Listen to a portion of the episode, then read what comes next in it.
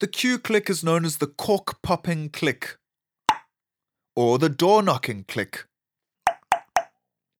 Basically, you press the front part of the tongue against the hard palate behind the front teeth and rapidly pull it away.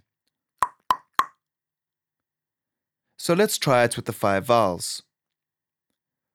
A, E, I, O, U.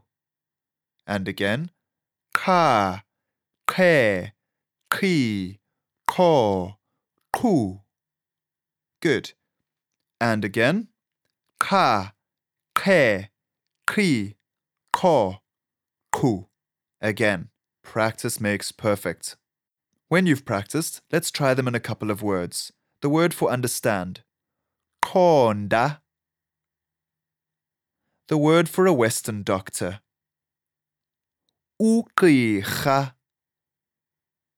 And the word for a traditional doctor or sangoma is igqirha. Igqirha. The thing about the clicks is that you don't need to worry too much about how they sound to you. It's more important that you're putting your tongue in the right place and that the different clicks you make are distinct from each other. Remember to practice them with the five vowels, getting those right first. Cha, che, kli, cho, chu. Cha, che, kli, cho, chu. Ka, ke, kri, ko, ku. If you're struggling with them, go back to just them by themselves.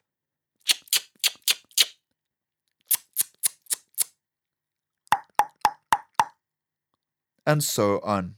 Just make sure that you make every effort to pronounce the click when you see it in the written language or you know it is in a word.